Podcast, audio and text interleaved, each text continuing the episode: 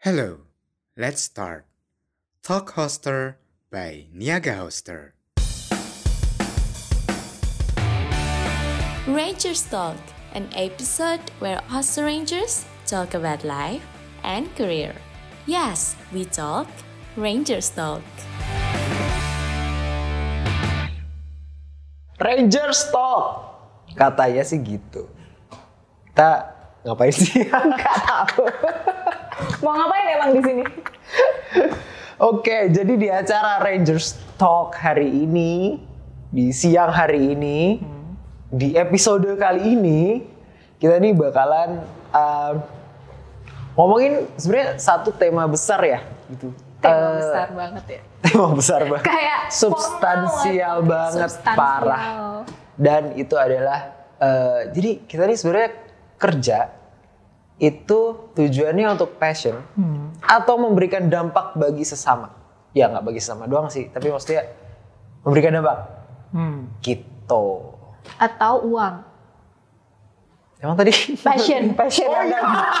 Passion tidak membayar Iya, iya, dulu loh, iya, iya. katanya. Oke, oke tahu lah. Jadi sebenarnya kita kerja itu buat eh, cari uang doang. Apa s- cari dampaknya doang? Pasti kayak this is apa ya eh, kubu yang sangat ekstrim ya biasanya. Kan gitu kan, gitu. Mungkin kayak, kayak paling enak sih kenalan dulu kali ya, gitu sebelum sampai nanti kita eh, ngomongin sampai sana gitu. Mau kita mulai dari Loh, Kok saling menunjuk? oh iya iya. Tidak ada yang menunjuk aku. Berarti yang gak ditunjuk silakan Enggak, enggak, diri. enggak, enggak. Kayak Silakan. penting banget gak sih sebenarnya kita kenalan juga. Dari yang paling muda Iya, dulu. dari yang Oke, paling oke, paling oke, oke. awal berjoin, berjoin.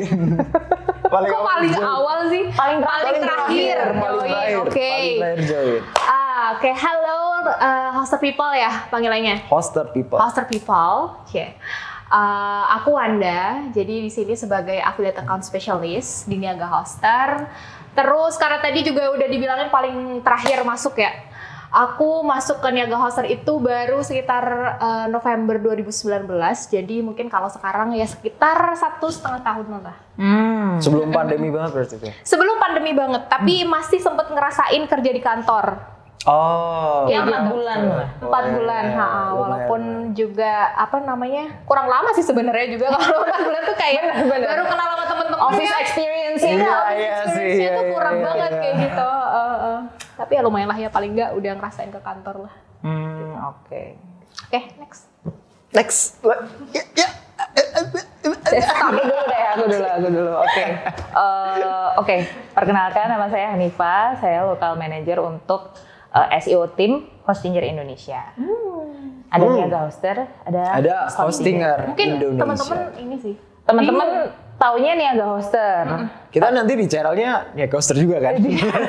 iya, iya, iya. Jadi iya. sebenarnya kamu ngapain di sini? Loh, aku bagian dari PT WMTI. Oh, iya. Siapa PTW MTI? Web Media Teknologi Indonesia. Oke. Oh, gitu. FBA WMT itu eh, s- apa ya? Secara kita perusahaan ini di bawah PT WMTI. Jadi di bawah PT WMTI ini ada eh, Niaga Hoster, ada Niaga Web, ada Hosting Indonesia juga. Di Indonesia. Gitu. Sudah berapa tahun bekerja? Oh iya, sejak 2018 akhir. Jadi sekitar Oh, hampir iya. dua tahun. Ah, hampir dua tahun ya? Oh. Oh, lama Eh juga benar ya. 2000? 2018. Enggak dong, dua tahun lebih dong. Ah, ah, dua Oh udah dua tahun lebih, iya. Iya. Hampir tiga tahun. Hampir tiga tahun, iya. 2022 tinggal besok ini. Heeh.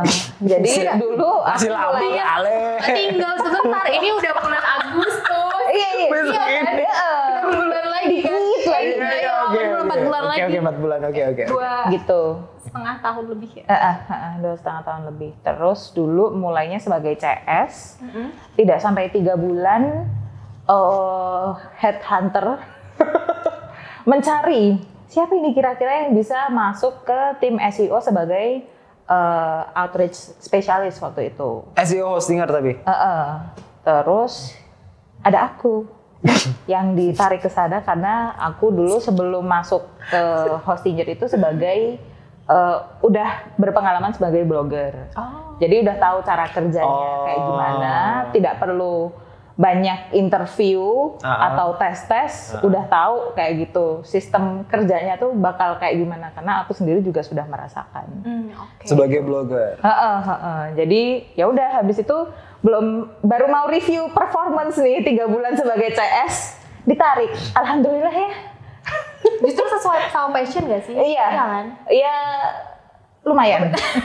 Kok tidak? Ada nyerempet-nyerempet dikit lah kayak gitu. Oke oke oke oke oke. Matia sendiri. Oh iya. Eh dari mana ya ceritanya? Oh iya, dari nama ya. Namanya lupa lagi.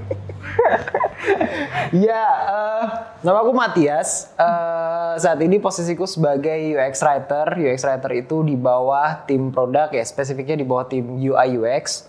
Jadi yang aku kerjain itu kebanyakan sehari-hari sih lebih ke copy eh, UX copy di eh, landing page Niaga Hoster. Baik itu yang bahasa Indonesia, ada juga yang bahasa Inggris, tapi kita belum sempat launching sih. Eh, dan juga eh, UX copy di sistem member area juga. Jadi yang ngebener-benerin tuh copy-copynya gimana caranya eh mirip-mirip barista deh. Sama-sama bikin kopi. Kurang ya, sorry. ya. Capek gua. Kurang ya. Baru mulai udah. Aku sudah tidak mau melanjutkan. Boleh dikat sampai sini aja sih? Oke oke oke. Ya, ya kalau gabungnya di dari di, di- gabung di Niaga Host, eh kalau gabung di- sebagai UX writer itu baru sih baru setahunan setengah, eh kurang lebih setahun setengah. Tapi kalau di Niaga Hosternya sudah dari tahun 2014. Oh. Jadi ini tujuh tahun lebih menuju tahun ke 8 Oh, oke oke. Salah satu founding father ya. Enggak founding father juga, tapi salah satu orang yang paling awal direkrut mungkin ya. Eh, Oke oke. Tapi dari awal juga udah jadi eh posisi awal apa pas di Waktu masuk pertama kali itu openingnya sebagai translator.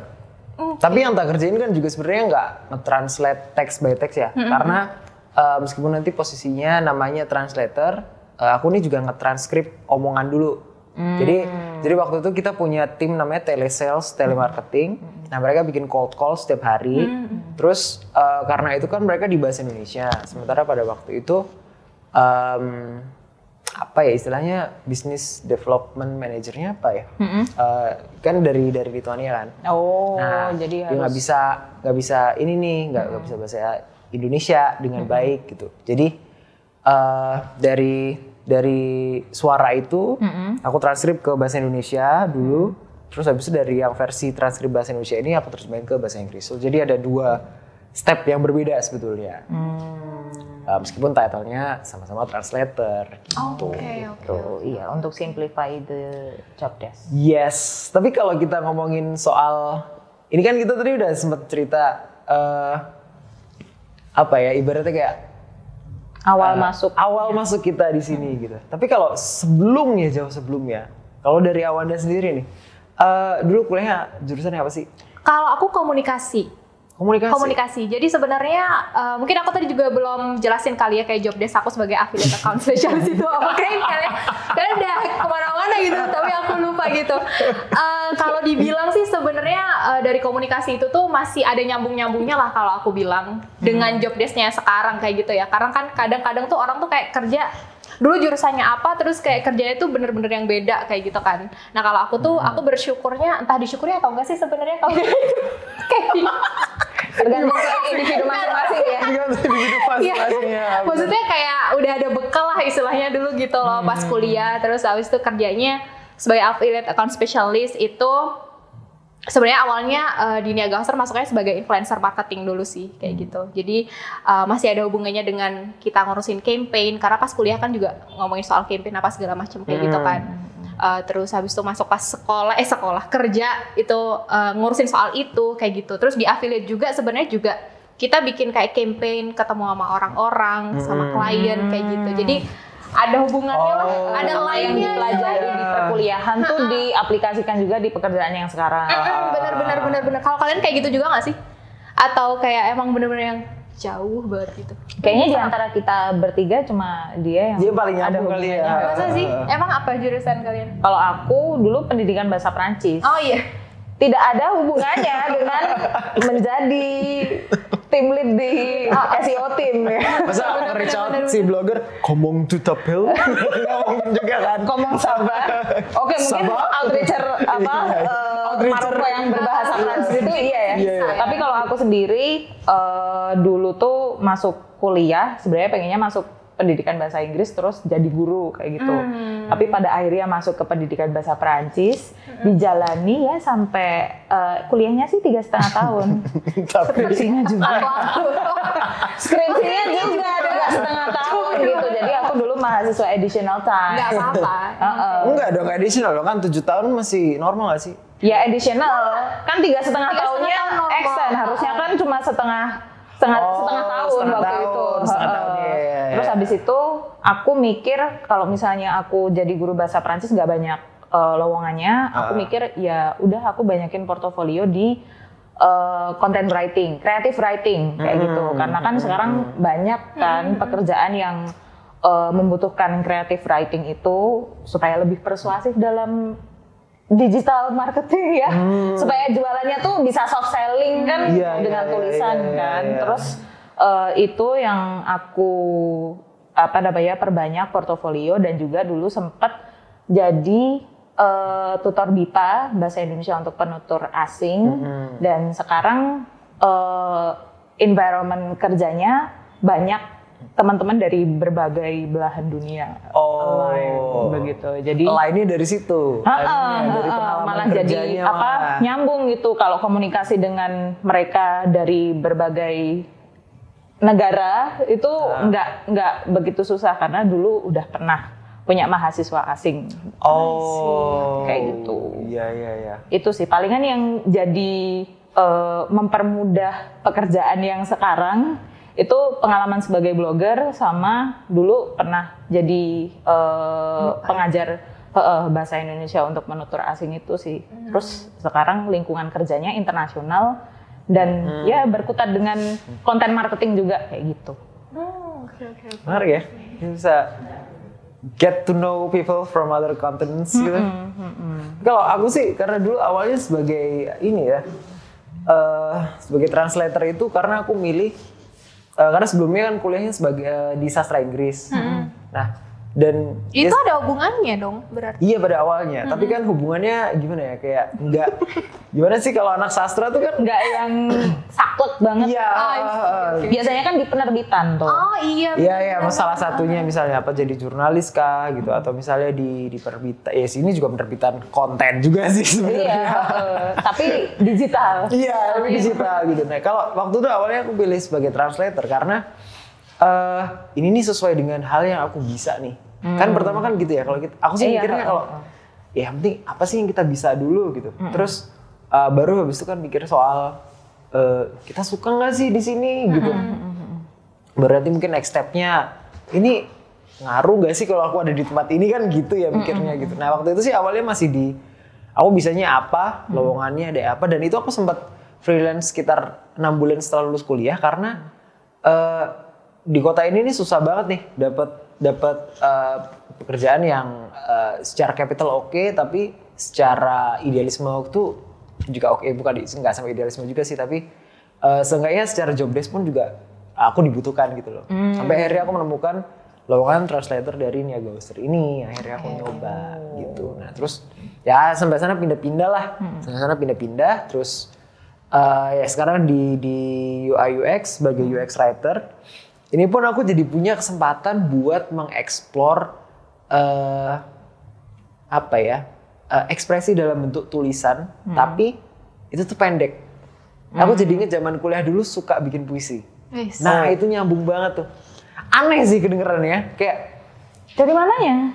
apanya Nyambungnya. Puisi, terus habis itu kamu bikin copywriting di landing page. Loh, iya dong. Ah, ah, ini cara aku memandang ya. Cara aku memandang ya. Eh, nah, puisi itu kan dibagi namanya rhyme.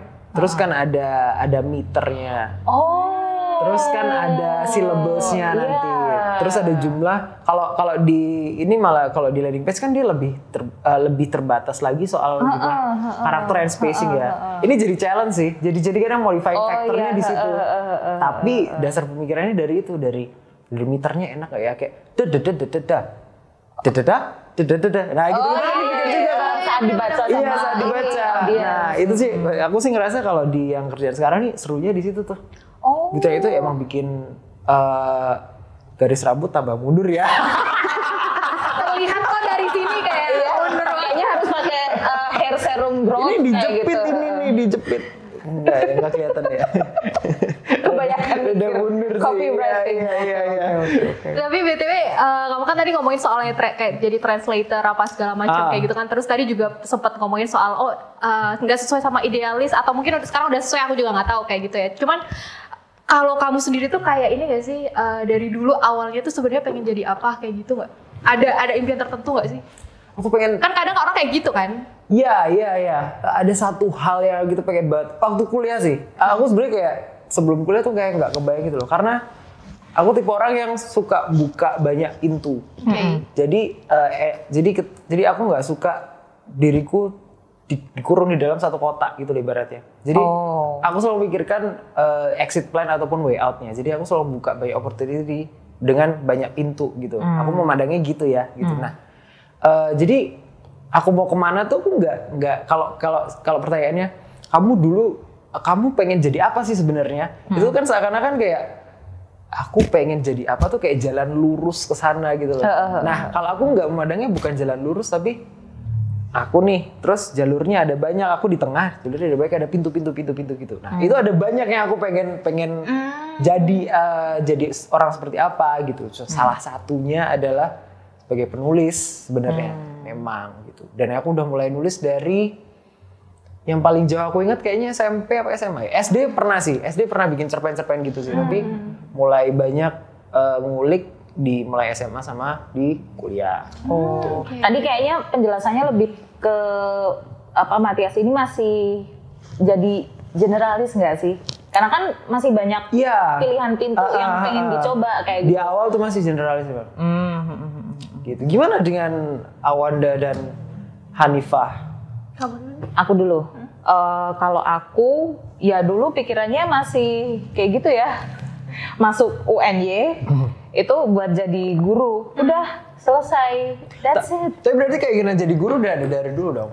keinginan jadi dulu eh, guru tuh udah sejak SMA ada bahkan SMP kelas 3 SMP kelas 3 tuh udah kebayang Oh, iya? pengen jadi guru kayak Kenapa gitu pengen?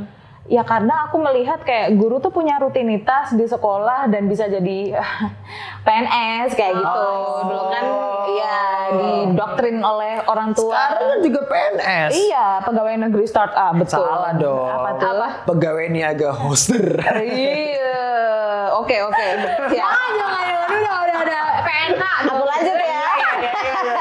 Supaya tidak abstrak, aku lanjut saja. Jadi eh, dulu kepikirannya ya udah jadi guru kayak gitu. Terus waktu masuk ke UNJ tidak berhasil nih masuk ke jurusan yang dipengenin. Dulu pengennya kan eh, tadi eh, pendidikan bahasa Inggris, tapi karena masuknya di pendidikan bahasa Perancis dan melihat opportunity untuk eh, jadi guru tuh tidak banyak. Terus kayak aku bahasa Perancisnya mediocre gitu loh. Hanya untuk lulus waktu itu. Udah sampai lupa ya sekarang grammarnya itu kan cukup sulit kan. Terus kalau misalnya jadi guide, aku nggak mau sama kayak bapakku. Oh. Karena bapakku udah Guide. he- eh, tour guide. Terus habis itu kalau jadi penerjemah, aku nggak pinter linguistik. Mm-mm. Kayak ini terus apa? Nah itu tadi creative writing itu yang pada akhirnya aku tekuni sejak eh, kuliah, dibanyakin portofolionya. Terus habis itu eh, waktu itu karena masih stuck skripsi di tahun 2015, itu aku ngerasa apa ya yang bisa aku lakukan supaya aku nggak penat kayak gitu loh. Ah. Jadi aku mulai ngeblog, mulai ngeblog terus mulai 2015. Heeh. Terus mulai pakai kayak top level domain biar kayak blogger profesional Oh, iya, gitu iya, tuh iya, sekitar iya, tahun iya. 2017 dan baru uh, dari situ tuh bisa monetize konten terus jadi tahu deh oh ternyata ini bisa jadi potensi buat cari duit kayak gitu. Nah, dari situ aku juga banyakin apply ke uh, media online kayak gitu sebagai content writer. Awalnya sih jadi freelance, terus uh, waktu itu pengen kerja kantoran apa ya kira-kira yang aku skillnya marketing nih, tapi aku pengen di sekolah. Terus akhirnya pernah jadi marketing di sekolah swasta. Oh, berarti perjalanannya panjang juga ya Heeh. sebenarnya. Tapi waktu itu cuma tiga bulan karena ternyata environmentnya not politically beneficial. I would say that karena memang eh, waktu itu pertama kali kerja kantoran itu bosnya langsung baby boomers dan ya ngerti ya ngerti lah jangan pokoknya kalau segitu lagi. apa age gapnya tuh terlalu eh, apa terlalu jauh tuh kayak ngerasa aku anak dia bapak dan aku harus menuruti obey gitu loh apa yang dia katakan. Sedangkan aku juga punya sebagai apa pekerja aku biasa jadi pekerja kreatif yang idenya itu tuh diapresiasi terus habis itu coba diaplikasikan tapi enggak. Ah, buang buang buang buang buang buang aku harus gimana artinya secara secara kebutuhan gitu ya. Ah, Kebutuhan secara kebutuhan Emosional ya. eh, iya emotional supportnya Ah. sangat kurang waktu itu jadi aku ngerasa ini red flag nih buat aku aku nggak bisa bertahan di Ya, ya, eh, ya. environment yang kayak gitu yang awalnya aku kira ini adalah pekerjaan eh, my it- it's my dream job Mhm. turns out it's not shift dari apa namanya shifting dari kerjaan yang corporate banget gitu Ah. terus ke startup nemu apa namanya kalau sekarang yang dipengenin tuh ya kerja kreatif kayak gitu. Dan karena sudah ada pengalaman sebagai blogger terus sekarang di SEO team ya lebih mudah gitu belajarnya. Jadi align gitu loh sama apa namanya personal goals kayak gitu Tapi meskipun personal goals ini yang sekarang tidak align secara langsung sama dulu uh, waktu kuliah. Tapi kan skill yang kita dapat dari kuliah tuh kepake nggak sih gitu? Maksudnya sama sekarang kayak coba dari dari dari awan deh. Uh, skill dulu yang kamu dapat sama kerjaanmu sekarang nih sebagai Heeh, affiliate kan karena uh, dari marketing komunikasi specialist kan, terus ya. ke agensi kan Kalau aku sih masih nyambung ya sebenarnya karena ya itu eh, s- di sekarang di Niaga Hoster bagian affiliate account specialist. Sebelumnya aku di Niaga Hoster juga bagian influencer marketing kayak gitu. Eh, sebelum di Niaga Hoster eh, aku sempat di digital agency. Di situ kerjaannya eh, apa namanya ngurusin yang campaign kayak gitu. Eh, terus habis itu ya branding apa segala macam kayak gitu dan dikomunikasikan juga apa namanya ada lah eh, mempelajari soal itu kayak gitu walaupun nggak praktikal banget sih cuman kayak oh, oh, kayak ada value-value yang bisa diambil lah istilahnya kayak gitu sih kalau menurut aku kayak gitu. Apalagi uh, kayak sekarang ini kan ketemu sama orang terus habis itu juga gimana kita negosiasi istilahnya kayak gitu kan. Jadi ada ada banget sih kalau aku. Dan di situ nih eh, apa ya? eh, kamu klik dapatnya di situ tuh. iya kebetulan sih aku cukup enjoy sih dengan apa yang aku kerjakan kebetulan ya Kebetulan padahal ya. prosesnya juga lama loh Iya, gitu. eh, karena apa ya? Walaupun mungkin eh, sebelumnya juga ada hubungannya kayak gitu, tapi kan tetap aja ke- ketika kita ada di satu lingkungan kerja A, terus pindah ke B itu kan pasti ada eh, kadang ada yang cocok dan nggak cocok kayak gitu kan. Kebetulan sekarang tuh dapetnya tuh kayak oh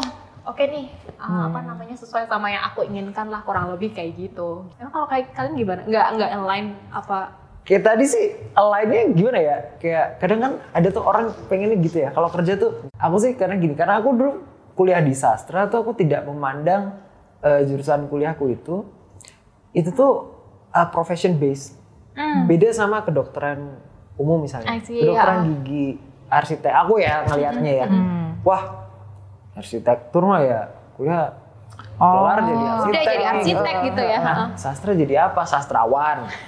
Gila. tidak dong filsuf sekali anda Iya, enggak maksudnya ya I mean technically it's possible gitu, tapi kan itu perlu many many years in the making gitu. Enggak terus kamu lulus dari fakultas sastra terus tiba-tiba lulus jadi sastrawan kan nggak gitu gitu. Sastrawan kan juga gelar yang diberikan masyarakat kepada kita sama karya-karya kita kan gitu. Nah, gitu sih ada aku pikir sih ada gap eh, yang harus aku capai nih misalnya suatu ketika suatu saat nanti aku pengen nulis dan pengen dikenal sebagai pujangga atau sastrawan gitu misalnya gitu masih ada proses Iya. eh, berikutnya yang harus di Iya, gitu. Dan kalau misalnya soal apa ya dulu kalau motivasi kuliah eh, lebih ke mungkin karena itu satu-satunya hal yang aku bisa kali ya, gitu. Kalau Motivasi kuliah tuh maksud kamu masuk ke mengapa jurusan memilih itu? sastra Inggris? oh gitu. Kenapa? Karena itu satu-satunya hal yang aku bisa. Aku dulu anak IPA loh. Oh iya. Iya. sama Disuruh mamaku juga. Iya. Iya. Kenapa ibu-ibu pada nggak suka IPS ya? Sebel banget. Ya, aku sih Tapi sempat disuruh ini nggak? Oh kamu masuk IPA ya udah kamu masuk jurusan apa kek kedokteran kek atau kedokteran gigi kayak gitu nggak? Karena kan udah masuk ke itu tuh. Mamaku enggak deh. Kayak waktu itu enggak, enggak penting ada IPA aja kayak gitu Pertama ya? IPA. Karena aku kayak mungkin tahu ya kalau aku anaknya selengean banget ya. Terus habis itu terus Agar tidak tambah. Iya eh, gitu. Padahal dari semua mata pelajaran pun juga bobotnya sama-sama gitu. Yang aku nggak suka di IPA juga mata pelajaran yang bego banget ada. Di IPS mata pelajaran yang bego banget ada. Sampai sekarang bego hitung-hitungan duit tuh. itu Nah, sebenarnya itu, sebenarnya. Oh, itu juga see. yang bikin aku eh, kalau misal aku lulus dari SMA Ha-ha. jurusan IPA ini, aku masuk ke perkuliahan yang jurusan IPA juga tuh aku tidak melihat masa depanku ada di situ. Iya benar benar benar benar benar. benar. Pada akhirnya ya eh, waktu SMA tuh kayak autopilot gitu loh.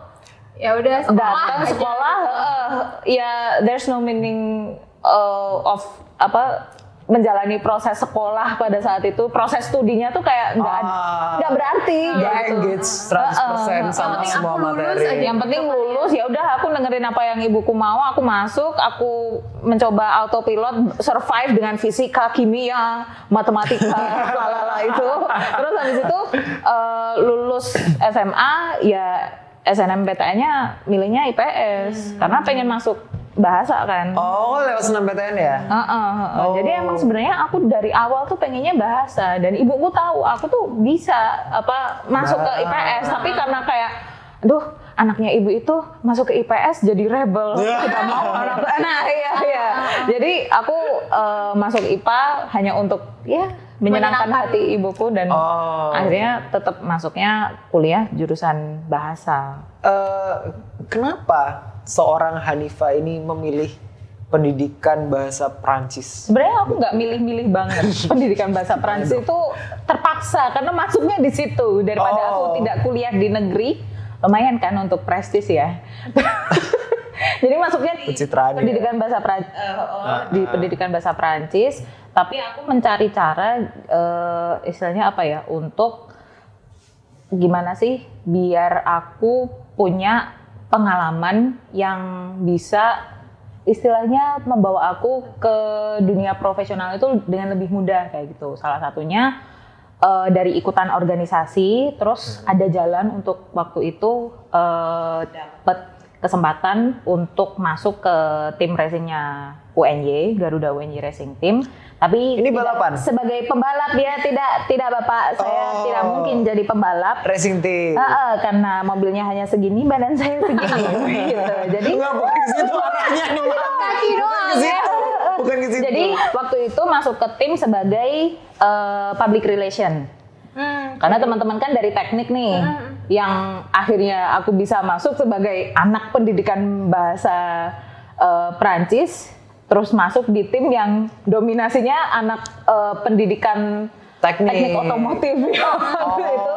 Jadi aku eh, diandalkan untuk aspek komunikasi sebagai Ah. PR. Nah waktu itu persiapannya dengan belajar bahasa Korea karena lombanya di Korea. Korea Utara. Korea Selatan. sorry, sorry, sorry, sorry, sorry. Ngegas banget Oh. Iya, mohon maaf saya tidak mau jadi budak Kim Jong Un waktu itu masih bapaknya yang berkuasa ya waktu 2013. Terus habis itu eh, di situ eh, pengalaman sebagai public relation itu sebenarnya yang akhirnya membawa aku eh, setelah lulus kuliah itu pernah bekerja sebagai marketing communication tapi magang. Terus eh, dari situ mencoba untuk ya mencari pekerjaan yang align lah dengan marketing ya pada akhirnya masuk ke dunia marketing karena ya bisanya cuma itu. karena kalau misalnya untuk kerjaan eh, dulu tuh pengen banget jadi guru.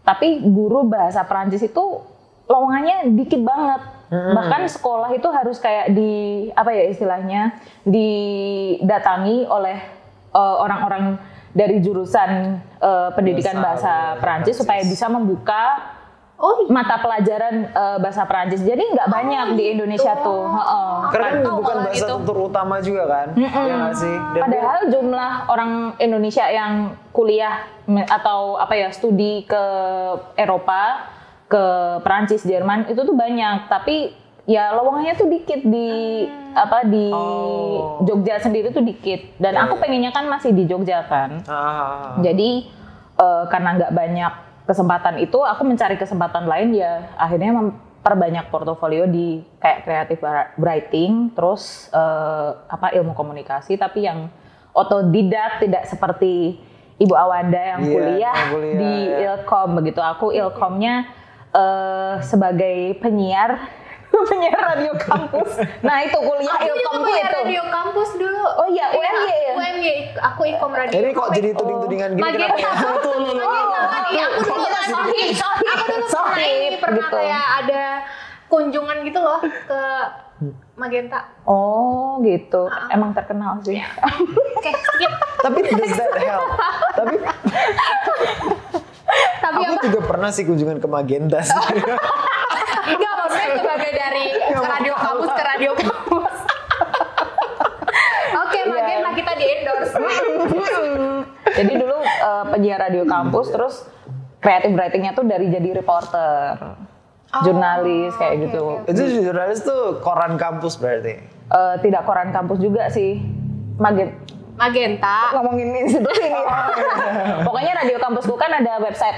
Ah. Nah websitenya itu diisi kontennya dengan Oh diupdate terus. Iya dong, Oh, iya. event-event, konser-konser, dapat gratis keren waktu berarti. itu. Iya. Iya, iya. Iya, iya dulu sih motivasi kerjanya ya pernah juga pengen jadi reporter kayak gitu. Tapi kok kerjanya lapangan ya? Iya, 24 per 7 juga itu malah lebih Aku lebih tidak suka reapplying sunscreen terus-terusan.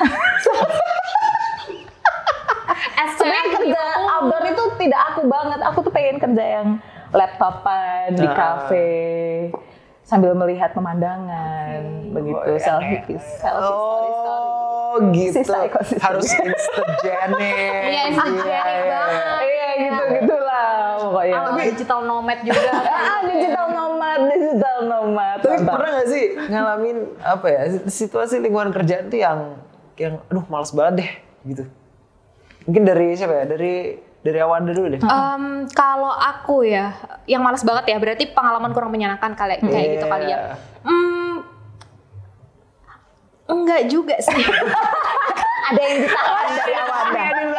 Keluarkan saja saya. Enggak, serius, serius, serius. Eh, pasti kayak, eh, iya, maksudnya kerjaan pasti ya ada lah enak dan enggaknya kayak gitu ya. Ya Cuman ini kan enggaknya nih yang dicari. Iya, enggaknya, tapi enggak separah itu sih sebenarnya juga kalau aku mungkin lebih ke waktu sih yang yang tersita waktu itu karena harus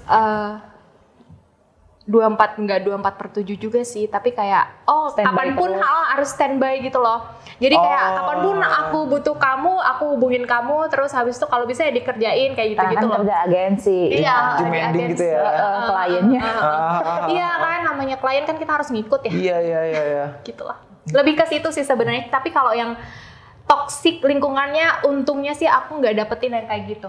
Kayak gitu sih. Mungkin kalau Oh. kalian gimana?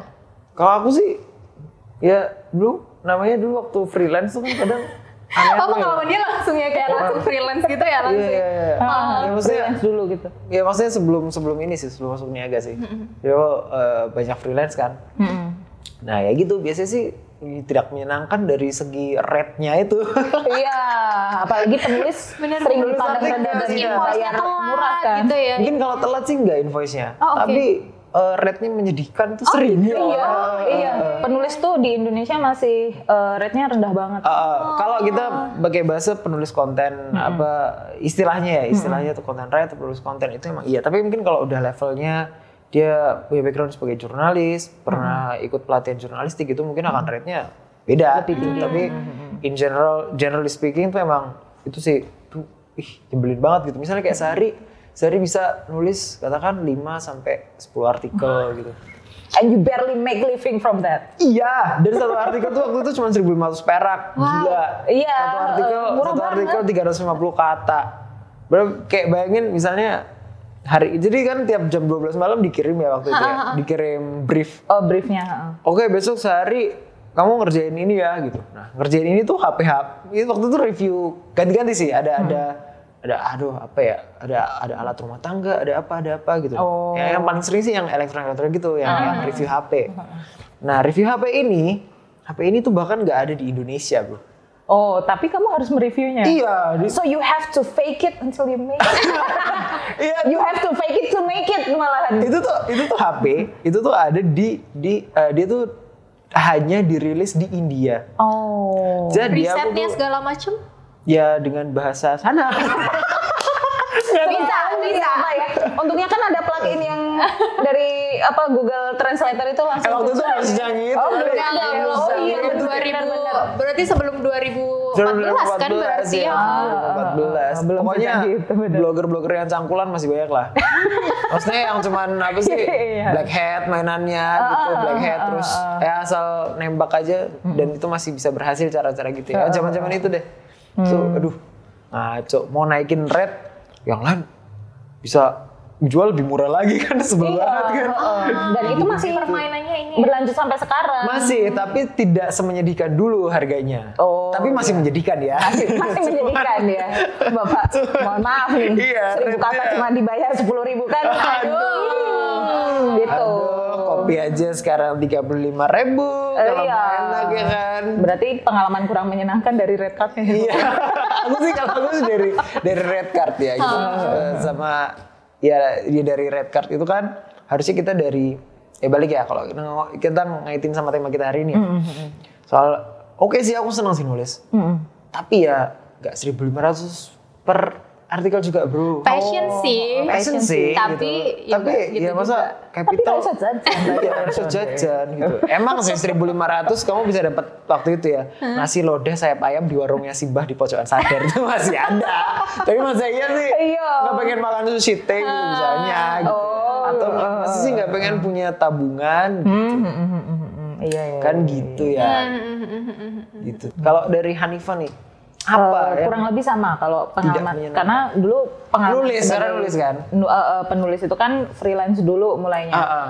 Eh, freelance masalah rate itu memang sangat rendah terus habis itu eh, project bisa dihentikan sewaktu-waktu tanpa ada kesepakatan dengan kita Oh. kayak gitu jadi kayak Ghosting, kamu- ghosting. eh, eh, kamu Udah biasa lanjut juga ya kan? setelah ini kayak oke Kenapa tidak dari kemarin-kemarin kamu bilang kalau project ini akan dihentikan kan aku bisa cari project kan lain untuk backup kayak gitu loh. Tapi ya ya udah pada akhirnya kalau freelance gitu ya harus rela project dihentikan sewaktu-waktu. Terus habis itu masalah rate tadi eh, juga apa masih dibayar rendah kayak gitu.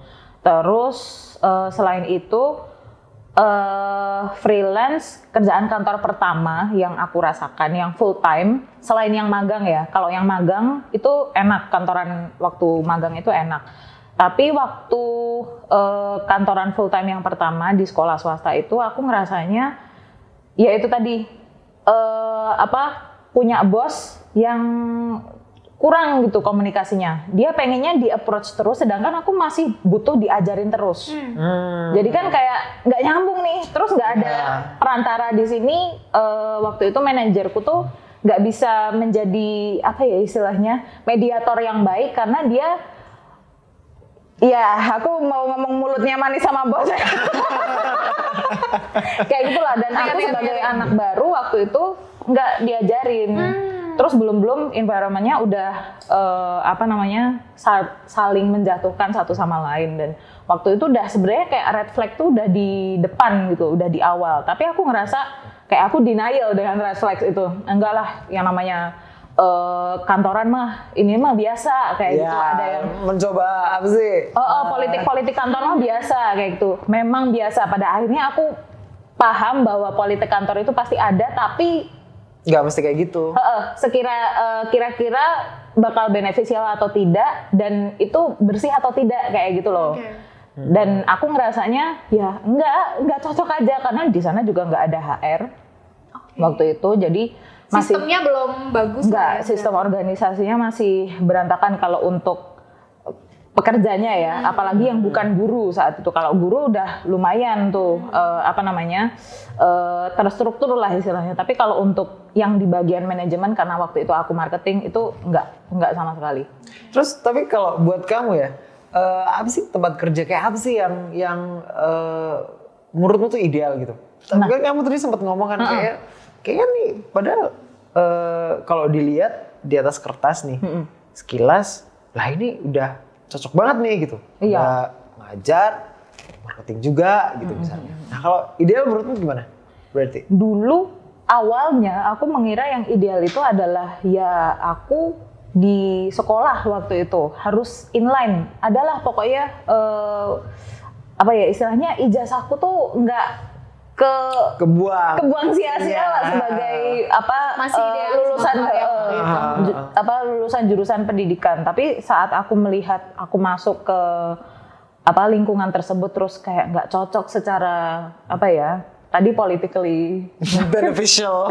beneficial Itu terus habis penting. itu secara emosi kayak terkuras gitu ini nanti bakal ada omongan apa lagi omongan apa lagi aku mau bakal dimarahin kayak apa lagi kayak apa lagi kayak gitu loh karena pada saat itu bahkan aku sampai kepikiran untuk mencelakakan diri supaya tidak masuk kerja Misalnya apa? Mencelakakan diri itu misalnya? mencelakakan diri yo motorku tak banting ngono bae tak bar kayak aku kepleset ngalamin ning apa jalan Solo ngono kayak pas uh, perjalanan kantor itu tuh Tolong subtitlenya di bawah ini. Kayak itu tuh udah red flags banget kan?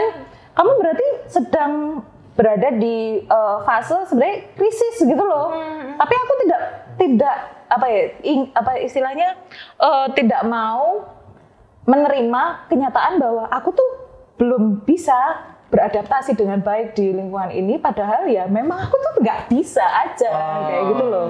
Secara uh, emosional tuh tidak suportif. Jadi aku pengen uh, kerjaan itu ya yang uh, secara emosional tidak menguras yang sampai segitunya. Jadi aku merasa emotionally secure. Terus uh, dari sisi benefit juga tidak palu gada begitu. Karena dulu sebagai marketing aku ya di front office, ya social media admin, ya content writer buat websitenya, copywriting, nanti marketing ngurusin cabang-cabang yang lain. Banyak ya Bapak, gajinya Tapi juga duit tidak oke seberapa. kan? Tapi duitnya oke nggak waktu itu? Ya waktu itu untuk aku pertama kali kantoran kerasanya oke ya, tapi setelah menjalani pekerjaan yang sekarang dikit ya Bu.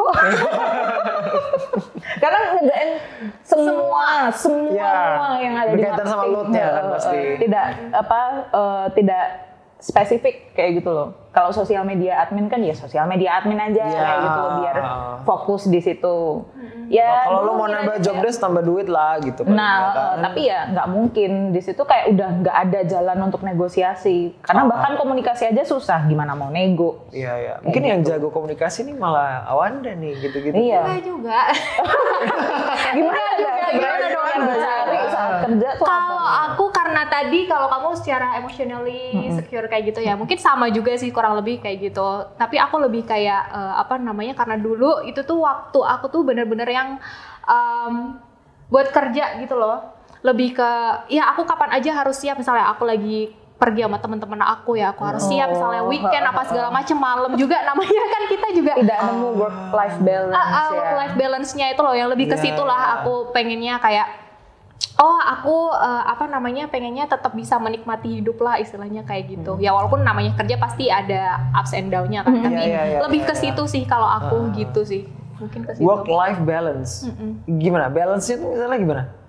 Aku ya gimana ya pokoknya masih bisa enjoy enjoy semuanya kenapa aku jadi Saat gini memang waktunya Ah, istirahat ah, tidak ada istirahat. un- Oh, begitu. un- uninterrupted lah istilahnya. Ah, ah, waktu Artinya istirahat. ini ya apa uh, life quality-nya tuh nggak nggak nggak berkurang. nggak ya, berkurang gitu. heeh, heeh, heeh. ya walaupun hidup pasti ada ups and down ya, Ya, tapi ya, kayak uh, paling nggak sebagian besar itu tuh eh, kita bisa nikmatin lah kayak gitu loh gitu sih Nah, Hmm. kamu sebagai yang makan asam, asam garam garam kehidupan lebih banyak dari kita.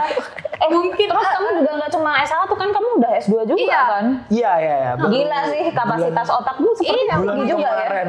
Enggak, enggak, enggak, itu kalau ini ngomongin soal S2 dulu ya. Ah, Oke.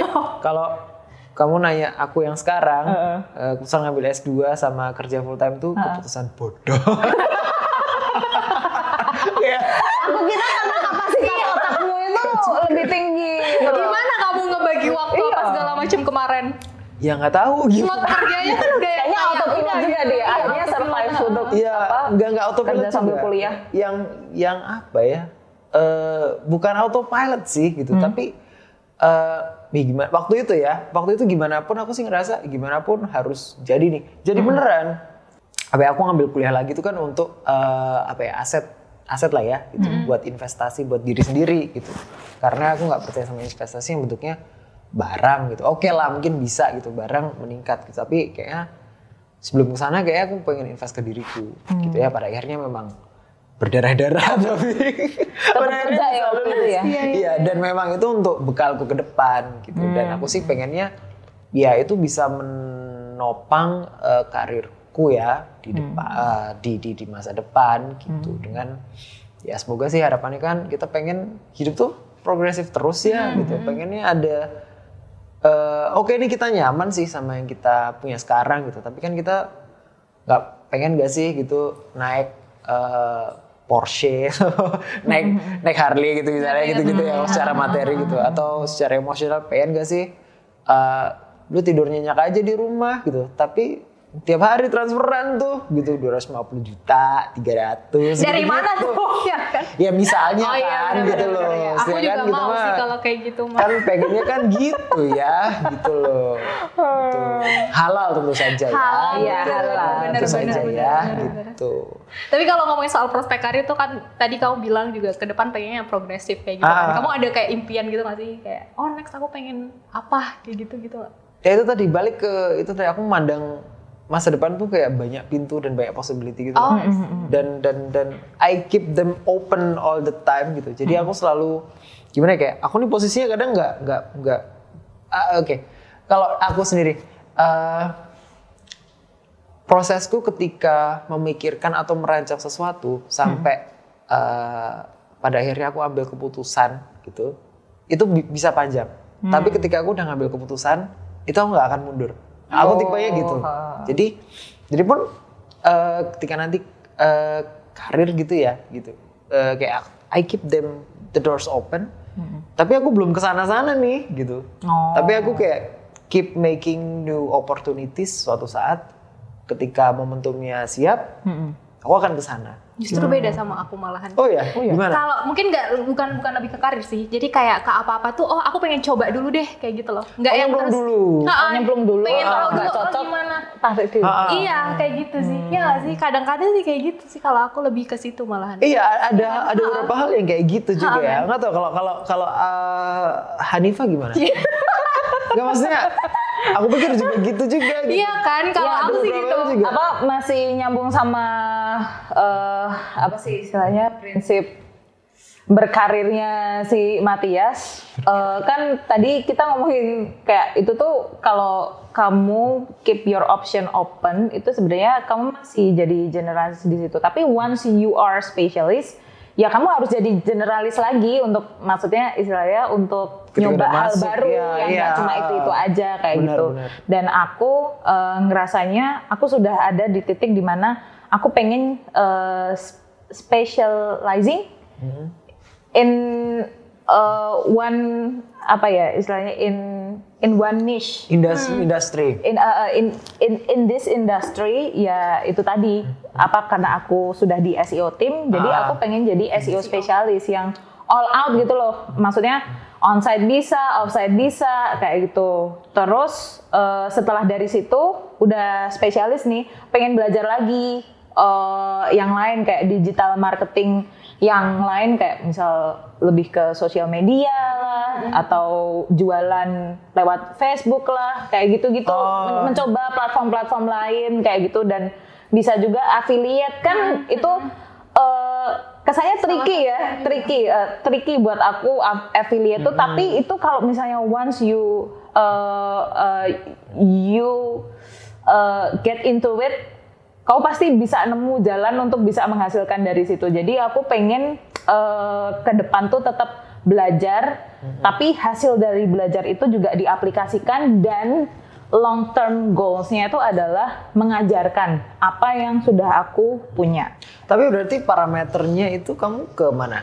Eh, lebih ke apa ya? Kamu melihat, oke nih, kamu emang you keep moving, gitu. dan kamu terus eh, dari satu checkpoint ke checkpoint yang lain gitu, ke satu achievement ke achievement yang lain gitu, dan kamu nggak berhenti gitu. Tapi eh, sebenarnya yang yang mendorong kamu itu lebih ke passion, artinya kamu pengen melihat em, apa yang kamu kerjakan itu ada dampaknya buat orang lain, misalnya, atau pure karena kamu melihat, oh ternyata aku bisa dapat duit nih dari sini. Oh, kalau sekarang in between sebenarnya.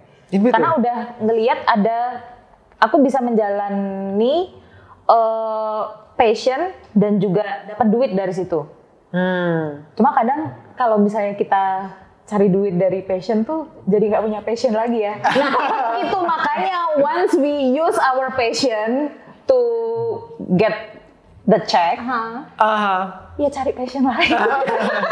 iya nggak sih? Benar, kan benar, hobiku benar. menulis nih. Saat Iya, menulis iya. itu sudah jadi rutinitas pekerjaan. bosen pasti. nggak punya hobi lagi rasanya. Jadi kayak burnout-nya pun chance-nya lebih cepat. Karena kamu nggak ada pelarian Biasanya exit plan-nya, escape-nya ke nulis, terus sekarang nulis jadi kerjaan, burnout-nya jadi lebih cepat kan.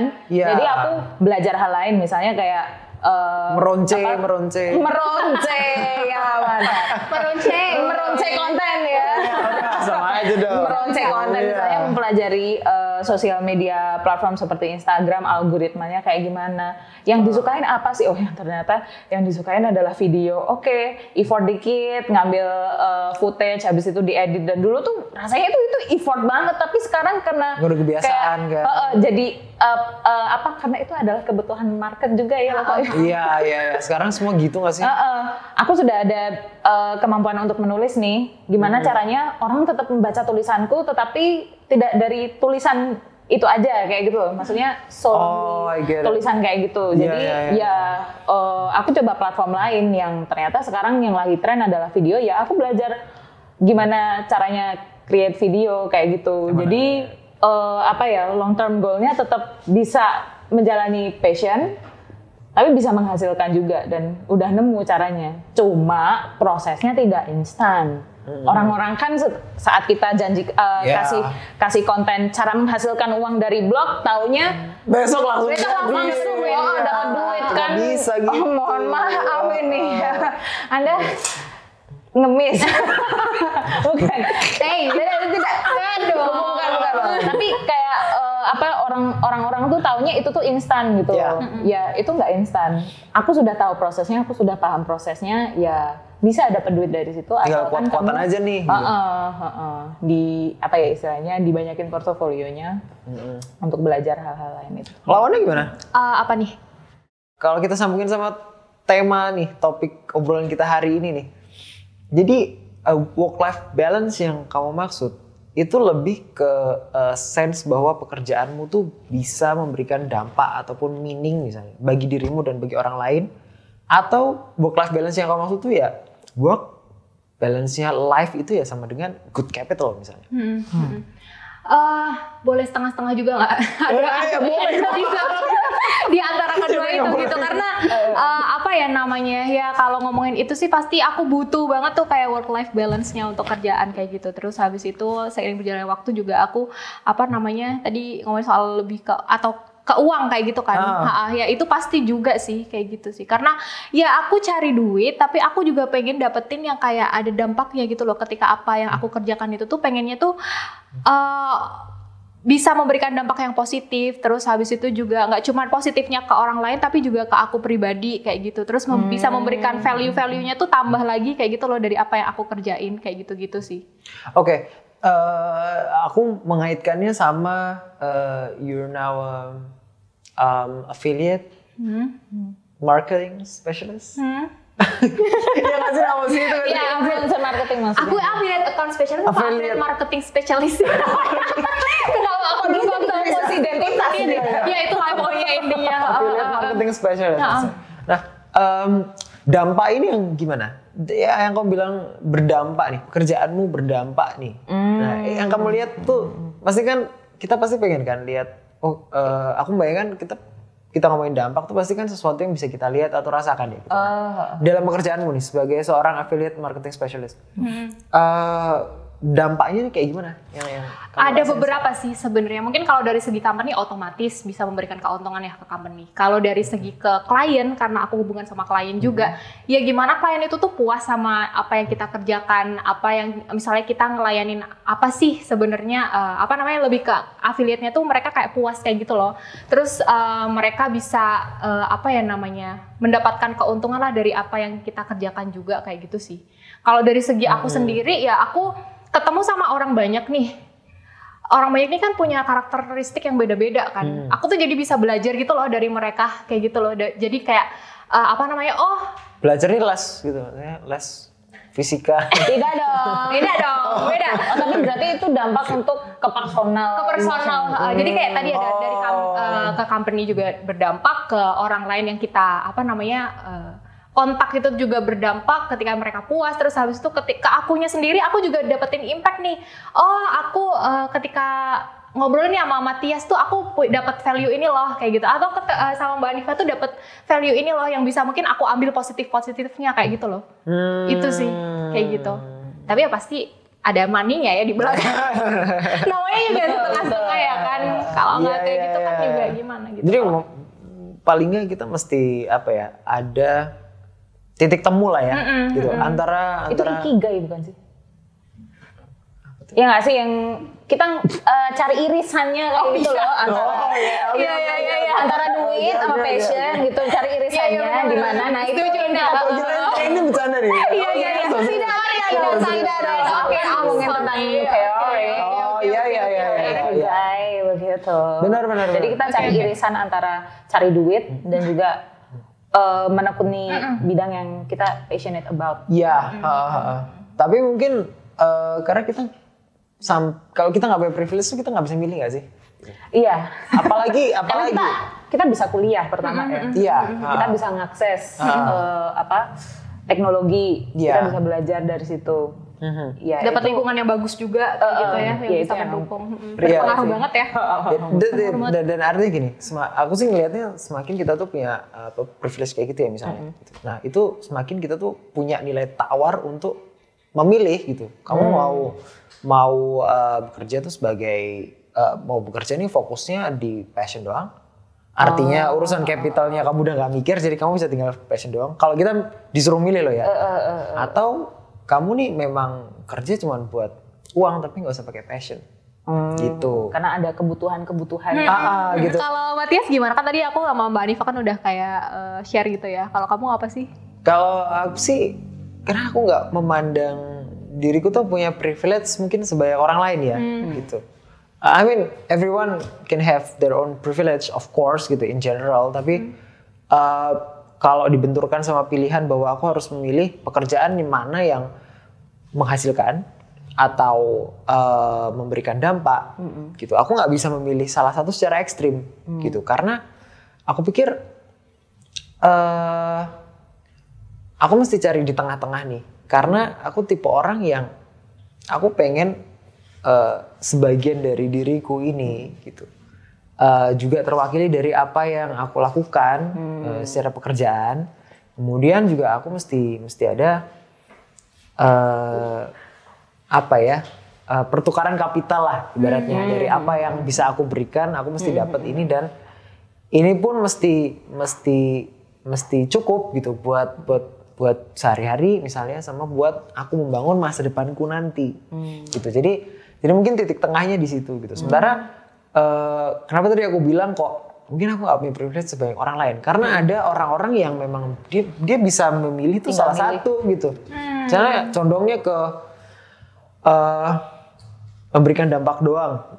Oh ternyata dia nih soal kapital ini udah nggak perlu mikir gitu. Nah aku nih masih mikir nih gitu. Maksudnya artinya masih mikir tuh eh apa ya? Aku merasa bekalku nih masih belum belum belum belum banyak gitu. Misalnya dari secara aset, dari dari apa yang aku punya dan lain-lain gitu. Jadi sih aku sih lebih ke tengah-tengah gitu. dan dan kalau emang eh, cuman milih uang sama sama apa namanya sama passion, ya jadi ibaratnya gitu klise lah sih gitu kayak aku sih ngerasa bekerja sesuai passion is cliche. Mungkin benar yang kayak dibilangin Mungkin sama. kalau kamu punya trust fund mungkin iya. Nah, iya, iya, iya, iya. Kamu crazy rich punya trust fund ya Iya. tinggal charity work Iya, kayak gitu. iya. Atau sugar Benar, benar, mommy. benar, benar. Eh, Iya. Sugar oh gitu, God, betul. iya, Eh, oh. Tapi Misalnya. Iya benar-benar. Tapi kadang kita tuh uh, kalau menurut aku kita termasuk masih yang beruntung gitu nggak sih? Masih ada di mungkin bisa dibilang di tengah-tengah antara itu gitu loh. Tapi kadang tuh iya. ada yang orang benar-benar yang oke lah kalau se- sesuai passion dia bisa dibilang beruntung juga gak sih? Tapi Ah. ada juga orang tuh yang ya udah duit doang gitu loh tujuannya. iya, benar. kan? Ah. Yang benar-benar ya aku kerja tuh buat cari duit karena emang ada yang harus dihidupin lah atau mungkin Hmm. ada cerita di balik dia yang kita nggak tahu kayak gitu harus Benar, ngidupin benar, keluarganya segala macam kayak gitu sih. Benar-benar. Iya kan? Tapi Apalagi, iya tapi gimana ya? Eh itu situasi yang kayak mungkin bakalan susah banget ya gitu. Aku aku bisa aku pernah sih juga di, di posisi itu gitu. Oh, aku iya. nggak suka nih tapi Iya. mau nggak terlalu mau gitu ya. idealisme gitu loh. Pernah juga aku ya itu waktu selesai dari kantoran yang pertama terus kayak ngerasa apakah aku tidak cocok kantoran? apakah aku akan freelance selamanya? Ibu Ibu akan menghidupi aku. Ibu sepertinya akan menghidupi aku for the rest of my life. loh. Aku ngerasanya apa sempat ada di titik itu tapi gitu. setelah masuk eh, memang tidak mudah untuk pada akhirnya berada di titik ini tetapi setelah masuk oh ini ternyata it's not impossible to achieve eh, the balance. da- eh, eh, the balance maksudnya dari capitalnya dapat dari Iya, eh, iya, secara impactnya juga dapat kayak gitu. Ah, ah. Itu lucu ya kita ngomongin soal passion gini nih. kayak It's very klise cliche. tapi emang relate banget gitu loh sama ya sama aku masih anak sekolah. Ya, sorry. Sama di saya- tidak usah diturutin, tidak usah Oke. diturutin, tidak, tidak bisa habis nanti. Tapi kalau eh, dari Matias tadi eh, apa namanya dampak dampak itu tadi itu sebenarnya kalau dari kamu dampaknya apa sih Aku dari kerjaan yang sekarang nih, eh, eh. sekarang banget ya. Sekarang di di Niaga Oster ya. Eh, aku suka kata-kata indah. Dan aku pengen gini, eh, karena kan kalau di UX writing tuh sebenarnya nyambung ke nganu ya, nyambung ke brand juga ya. Nah, eh, aku pengen ada eh, ada kepuas pertama sih. Yang pertama itu pengen ada puas bahwa aku udah make sure kalau ini kata-kata ini yang the best buat represent the company. Itu yang pertama. Nah, baru yang kedua eh, itu adalah eh, respon dari orang-orang yang baca ini nih. Orang-orang yang melihat, orang-orang yang pada akhirnya pakai layanan kita ataupun visit di landing page kita gitu. Dan meskipun itu kan kesempatan itu nggak selalu ada ya, gitu. Dan nggak selalu bisa di, di, di, divalidasi ya, gitu. Aku pikir kalau dampak sih pertama lebih ke situ, gitu. Tapi ya tetap ya, tetap nggak cuma dampak doang nih, gitu. Nggak cuma passion doang nih, gitu. Dan dan aku sih setuju sama sama Hanifa tadi gitu. Kalau misalnya emang passion kita di satu tempat, ini sudah eh, itu sudah mewakili dari apa yang eh, capital kita datangnya dari sana gitu. Mungkin kita perlu cari passion yang lain gitu. Bagaimana kalau aku contohnya eh aku sengaja memisahkan eh, kesukaanku dalam bermain musik itu ya cuman aku melihatnya hanya sebatas hobi dan bukan sebagai pekerjaan yang full time. Kalau ini kalau aku mungkin kalau eh, tadi eh, Hanifa meronce Ya, maksudnya- Tapi untuk Gini, uh, achieving apa ya uh, teman-teman di luar sana mungkin yang teman-teman hoster people kayak gitu yang mungkin belum nemu in betweennya capital dan juga impact tadi Ah, ah. mungkin bisa nyoba gitu ya dengan nyemplung dulu tuh caranya nyemplung Awanda dulu tadi akhirnya tuh. eh, Iya. eh, caranya Awanda tadi Menarik untuk sih nyemplung itu. dulu supaya tahu eh, environmentnya kayak gimana Ha-ha. dirasain dulu kalau Nggak memang cocok yang- pahit seperti apa yang sudah aku Iya. rasakan ya sudah dijadikan pembelajaran saja tapi Ha-ha. ini tuh it's not impossible to achieve both of them kayak gitu kalau memang itu yang pengen dicari jadi irisannya itu pasti pasti bisa ketemu cuma. Belum nemu aja pasti harus proses dulu gitu karena kita nggak benar-benar tahu ya kadang apa yang akan terjadi dinamika ya nanti gimana. Kalau sampai kita benar-benar living the life sih menurutku sih. Gitu. Ya maksudnya please excuse my opinion kalau aku bilang aku melihatnya ini sebagai pintu-pintu itu yang kebuka gitu. Tapi di sisi lain aku juga menyadari kalau aku nggak masuk ke dalam pintu itu dan aku tidak sesegera mungkin em, menemu bukan cuma menemukan ya, tapi merancang momentum yang tepat. Aku nggak percaya luck. Aku nggak percaya namanya luck. Oh iya. iya. For me, you have to plan it well. Yes, you have to plan it well. Jadi suatu saat ketika kamu mengetuk pintu dan pintu itu terbuka, kamu udah siap. Gitu. Ah, iya. Jadi aku sih merasa luck itu sama dengan momentum yang tepat dengan Oh. apa yang ada kamu. Nah, uh, what we can do ya prepare ourselves the best way. Yeah. You have to create your own opportunities Iya. to get the opportunity. Iya benar. Dan alasan uh, capital ataupun passion dan memberikan dampak itu yang aku pikir uh, memang kita perlu cari jalan tengahnya. Tapi kita bisa nempatin itu sebagai uh, starting point sih. Gitu. Artinya gini. Artinya kalau tadi kalau tadi dari contohnya dari dari dari Hanifah tadi. Oh ini yang dibutuhin yang ada gang pekerjaannya ini nih. Ya udah aku mau fokusin sana dulu aja deh gitu. Yang kira-kira ada kelihatan ada duitnya gitu. Tapi bisa jadi dibalik juga gitu dari dari uh, passion dulu. Nah aku kayak misalnya kayak dari dari uh, Awanda juga tuh.